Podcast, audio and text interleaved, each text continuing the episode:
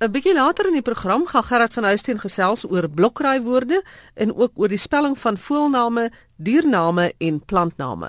Maar eers gesels ek met Dani van Wyk. Hy is die hoofuitvoerende beampte van die Stichting vir die Bemagtiging deur Afrikaans. Ek het 'n vorige program daarna verwys dat hulle 'n projek van stapel stuur waar hulle kyk na interessante en ongewone en raar uitdrukkings en gesegdes in Afrikaans. Dani, vertel vir ons 'n bietjie meer van die projek. Die simposium oor Kaaps het so jaar gelede by IWK plaasgevind. Ek dink uh, spreek ook reg, ek dink jy was ook daar teenwoordig. Dis reg, ja. Ek sou sê dat die inisiatief was eintlik 'n uitvloeisel van dit. Ek het daarna met 'n hele aantal individue gepraat en tot die gevolgtrekking gekom dat daar so behoefte bestaan om brein Afrikaanse uitdrukkings en woorde in 'n woordelys saam te stel. Ehm um, hierdie inisiatief het ons in samewerking met die VAT aangepak en en uh, omdat ons gevoel het ons wil dit nie in isolasie doen nie. Die ander rede ook natuurlik is omdat die tyd het aangebreek dat die gesprekstaal van breinmense vir ewig moet word.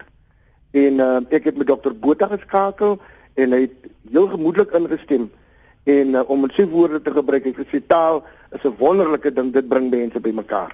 So ons het die inisiatief van die grond af gekry. Ons het al twee bijeenkomste gehou. Ons sou weer middel Julie sal ons 'n derde bijeenkoms hou om om verdere momentum aan die ding te gee. Het julle nou al landwyd vir mense laat weet of maak julle dit sommer na by mekaar daar waar julle weet waarvan die mense is? Maar dat die enige inisiatief begin klein. Ons het begin deur op so 'n groep onderwysers wat Afrikaans onderrig op die hier in Skierland op die op die Kaapse vlakte Afrikaanse onderwysers byeen gekry en met hulle die inisiatief bespreek ook natuurlik met die doel om woorde of uitdrukkings vanuit daai gemeenskappe waar hulle werk te kry wat wel gebeur het.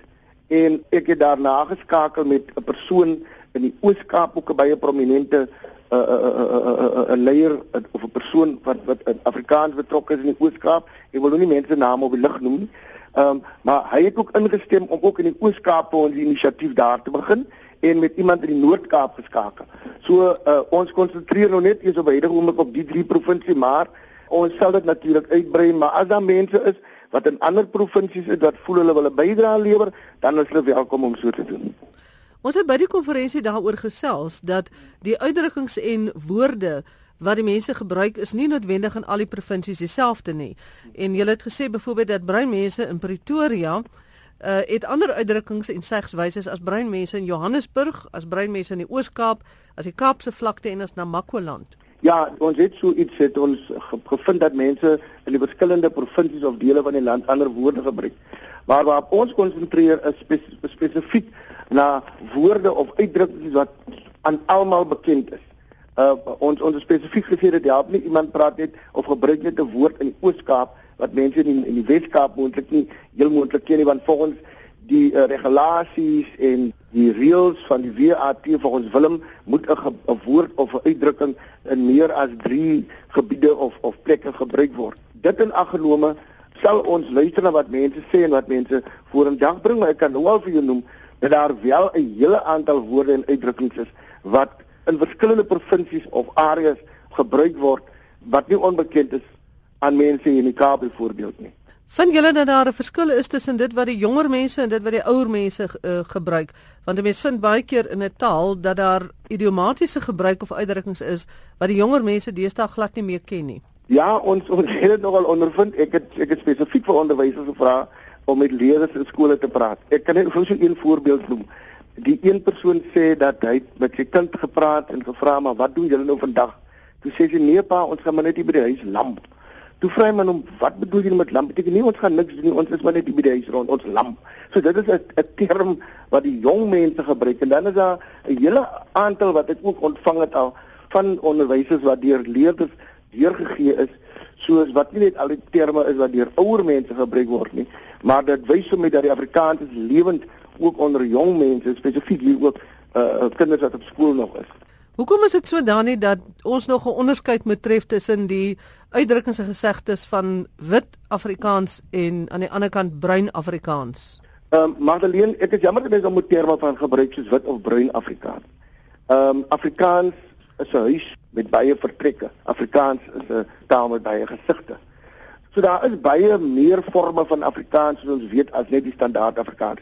My persoonlike standpunt is dat ons op een of ander stadium sou moet praat oor die integrasie van die verskillende Afrikaans forme wat daar bestaan in die land. Opdat dat ons Afrikaans kan bou. Afrikaans kan nie stagneer nie.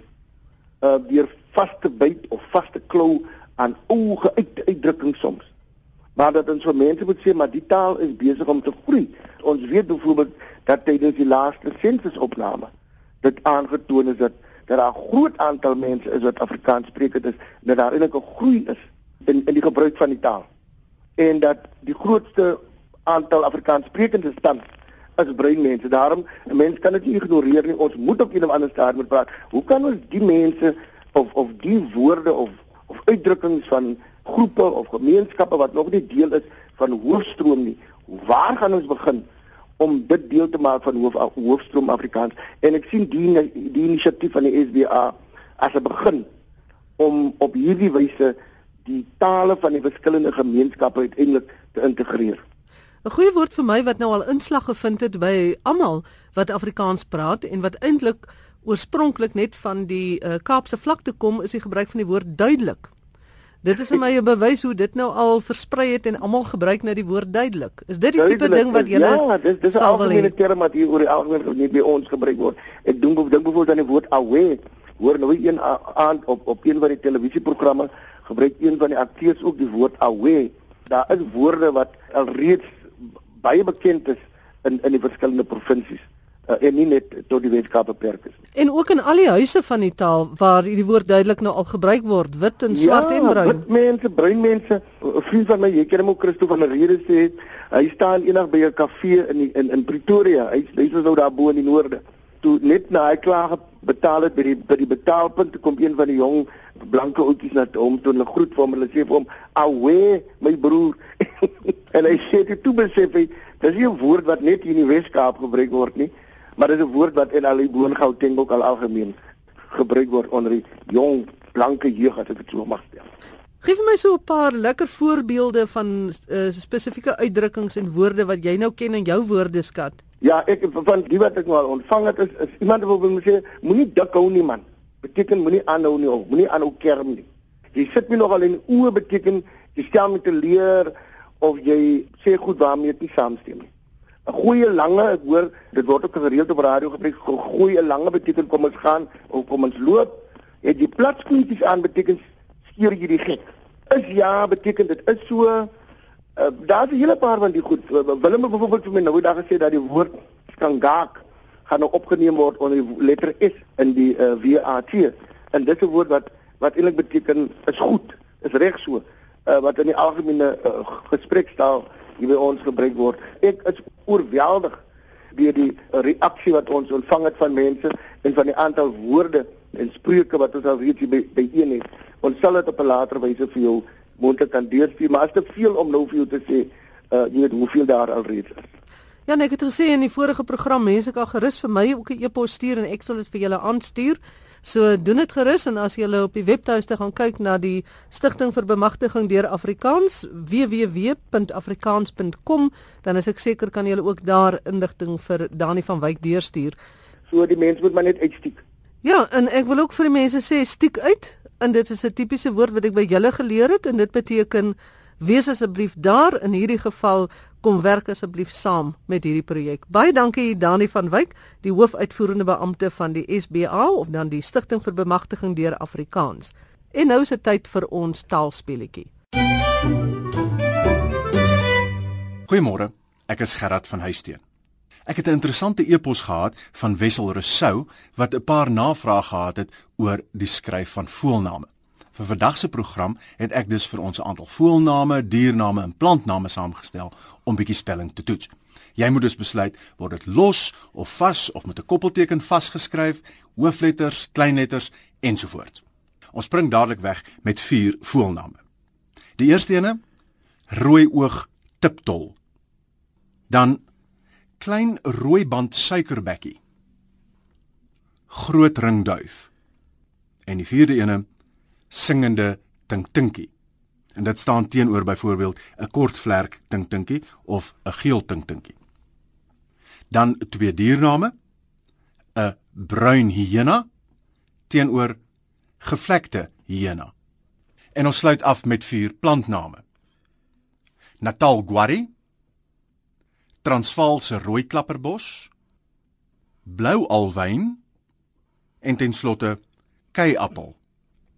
Nou, om ons vanoggend te help met hierdie plant, dier en voëlname, het ek vir professor Piet Swanepoel, professor in taalkunde aan die departement Afrikaans en algemene literatuurwetenskap van Unisa gevra om ons te kom help. Goeiemôre Piet. Môre Gerard. Het jy dalk vir ons eerstens om jy weg te spring so 'n paar algemene beginsels weer oor die skryf van plant, dier en voëlname? Die uh, eerste groot beginsel wat hier geld volgens die AWS is dat alle name wat na plante, diere en voëls verwys, word as samestellings vasgeskryf. So al is hulle ook hoe lank en hoe klink hulle ook al so snaaks of uh lyk hulle vreemd op die oog, skryf jy hulle almal aan mekaar. Dis rooi oog tiptol, klein rooiband suikerbekkie, groot ringduif, bruin hyena en dan Natal Guarex later weer by hulle terugkom blou alwyn en keiappel, almal van hulle aan mekaar sonder enige koppeltekens. Die interessante van hierdie uh, volksname vir plante is natuurlik dat hulle soms geweldig lank kan raak omdat mense graag in die naamgewing self soveel as moontlik opvallende eienskappe van die betrokke plant of voël of dier wil opneem. En ons sit daar in iets soos rooi oog tiptol sit ons daar met 'n klomp vokale langs mekaar. Rooi die o o u en van oog die o o. Is dit nie nodig om daar 'n koppelteken te skryf? Daar sit jy nie 'n koppelteken in nie want u self kan vir jouself 'n skeiding tussen die vokaalreeks bring. Uh, dit is soms as dit moeilik is dat as 'n mens op een loping het van byvoorbeeld 'n uh, a e e e en dat 'n mens later nie weet waar die grens van die woord val nie, dat 'n mens wel 'n koppelteken kan insit. Sê nou maar in iets soos c eend of so iets. C1, ja. Nou as jy klein koppelteken rooiband suikerbekkie skryf, dan as jy 'n koppelteken na gebruik, beteken dit ook dat die woord aan mekaar geskryf word. Nou hoekom doen mense dit soms? Dis dikwels om een soort van 'n ander soort te onderskei. Byvoorbeeld as daar sê maar 'n groot rooiband suikerbekkie ook ongewees het en jy wil die klem laat val op die klein teenoor die groot, dan kan jy om fokus op die woord te laat val 'n koppelteken na gebruik klink in elk geval vir my na iets skrikwekkends 'n groot rooi band suikerbekkie. uh, maar kom ons fokus liewer op die taal. Goed, die tweede reël waaroor dit hier gaan is as jy die saamstelling begin met 'n afgeleide byvoeglike naamwoord. Nou daardie afgeleide byvoeglike naamwoord ken ons aan 'n wat ons noem 'n attributiewe e. Dit is 'n e aan die einde, dis singende of gevlekte of transvaalse of uh waar het ons nog 'n singende ding dinkie. As jy so 'n afgeleide uh, byvoeglike naamwoord het, dan word hy los van die res van die samestelling geskryf. Dis ons kry singende spasie tink tinkie. Gevlekte spasie hyena. Transvaalse spasie rooi klapperbos. Maar dit bly nog steeds die naam. As ek praat van 'n lelike kolgans, dan gaan dit net oor kolgans. Dis nie die naam van die dier nie. Dis nie 'n lelike kolgans nie. Dis nie die volle die die die uh, alhoewel hulle apart geskryf word, verwys die hele woord as ware die woordgroep verwys na die soort. So jy het hier nie 'n samestelling in die sin van alles is aan mekaar geskryf nie, maar jy het te maak met 'n woordgroep of 'n stuk soos ons sê. En daardie selfde goed kry ons dan in iets soos Transvaalse. Transvaalse. Goed, daar's maar daar's 'n goed, daar's 'n ander interessante reël wat hier dan nou geld wanneer dit kom by geografiese of plekname of eie name in die algemeen wat in sulke samestellings voorkom. Ook hier geld die reël dat as jy 'n afgeleide vorm van 'n eie naam gebruik, soos byvoorbeeld Transvaalse, dan word hy losgeskryf van die res van die samestelling. Daarom skryf ons Transvaalse rooi klapperbos, maar Natal Guari vas aan mekaar. Vas aan mekaar. Goed. En dan sal jy sien dat daar 'n verskil is in die hoof en die kleinletter gebruik tussen daardie twee gevalle. Ons skryf Natal Guari met 'n klein lettertjie en dis 'n reël in die AWS, reël 9.7, dat as jy 'n eie naam opneem in 'n samestelling wat na 'n soort verwys, 'n plantdiernaam, dan word hy altyd met 'n klein lettertjie geskryf, né? Nee? As dit egter 'n afgeleide uh, eie naam is, soos Transvaal sit, dan word hy losgeskryf en met 'n hoofletter. Uh die reël is dus altyd 'n klein letter as hy aan mekaar geskryf word. Ons behou die hoofletter sodra ons met 'n afgeleide of 'n adjektief te maak het soos transvaalse, los, rooi klapperbos. En Piet dan met ander woorde by iets soos keiappel geld dit ook omdat dit 'n pleknaam is. Dus kei kom van die Kei rivier af. Nou dis 'n eie naam. En die reël sê vir jou dat as 'n eie naam met ander woorde nie met die attributiewe e is uh, afge of nie afgelei is nie, dan word hy vasgeskryf. Dis ons kry keiappel, maar as sê maar ons sou nou iets kry soos keise appel, dan sal ons hom los skryf en met 'n hoofletter. Wel, dit maak nou nie saak waarna af die appels kom nie. Appels was nog nooit eintlik my groot gunstelinge nie. Dit was professor Piet Swanepoel, hy's 'n professor in taalkunde by Unisa. En nou gaan ons weer by Gerard aansluit en hy en sy gas gaan praat oor blokraai woorde.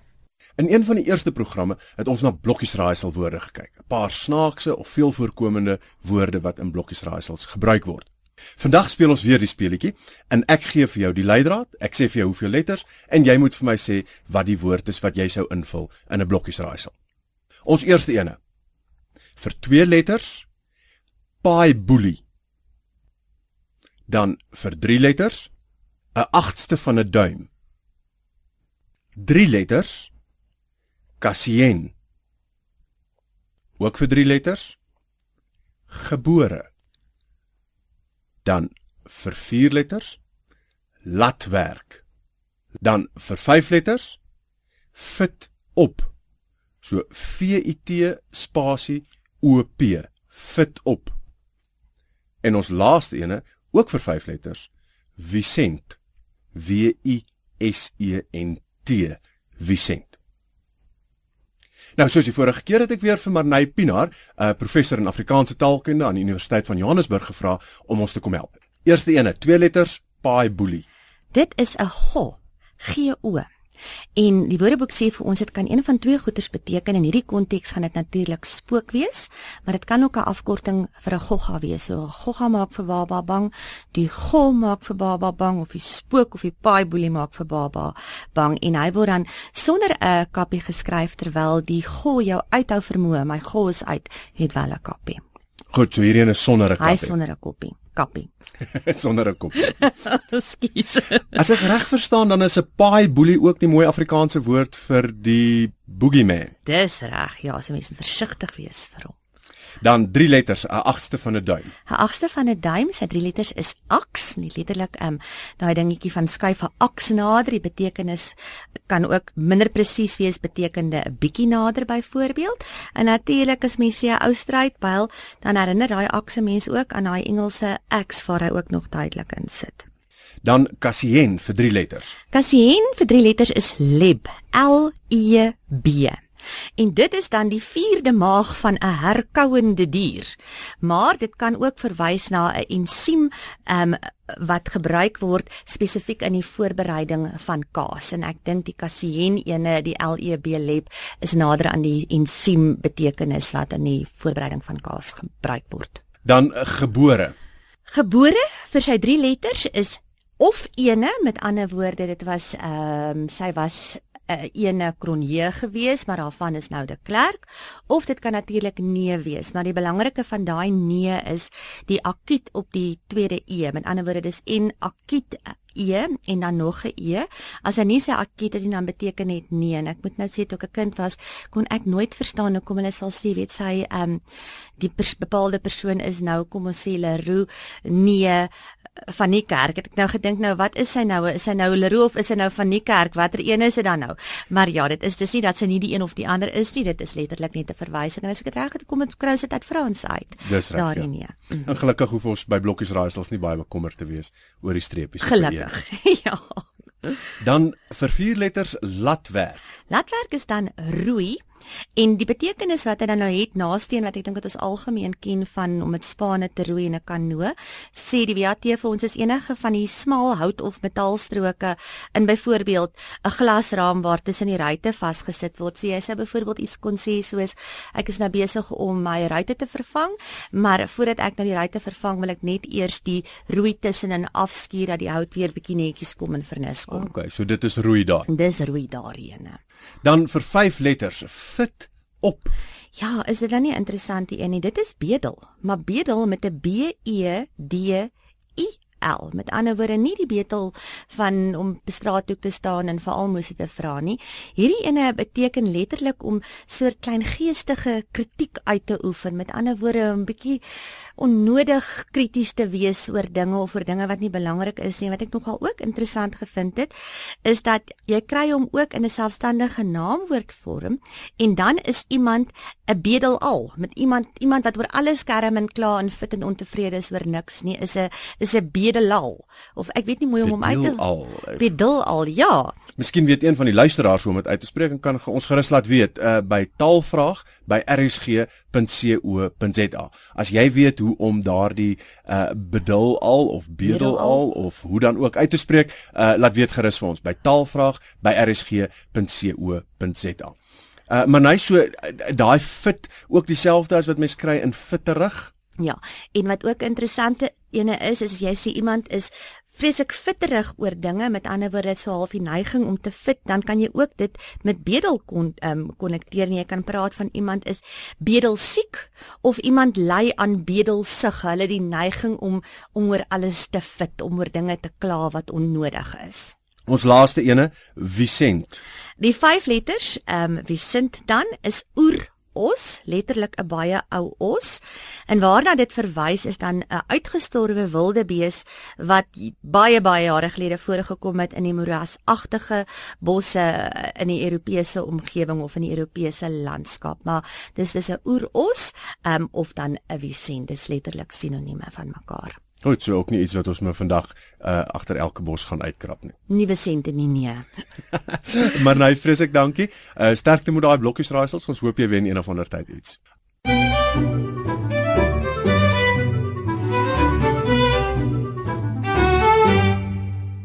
Dit is dan die einde van vandag se taleprogram. Baie dankie dat jy saam geluister het.